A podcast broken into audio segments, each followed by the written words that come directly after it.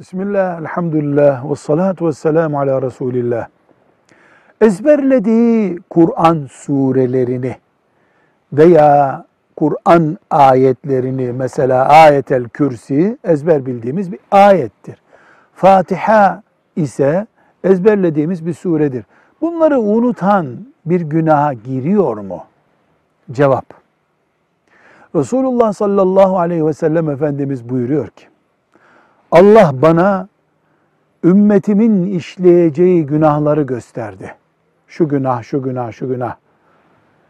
Ezberlediği Kur'an ayetlerinden birisini daha sonra unutanın girdiği günah gibi bir günah görmedim buyuruyor.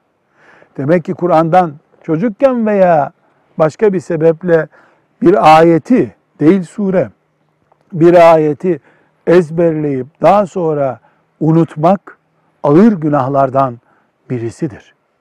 Yaşlandığı için, beyinsel bir hastalık geçirdiği için veya bununlara benzer bir nedenle unutursa elbette Allah bu tip e, sıkıntılardan dolayı bir günah yazmıyor.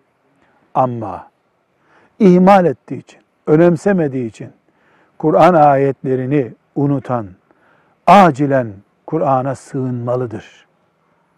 Kur'an'ın rahmet sebebi olduğunu bilip unuttuklarına yeniden çalışarak, gayret ederek sarılmalı, ezberlemelidir.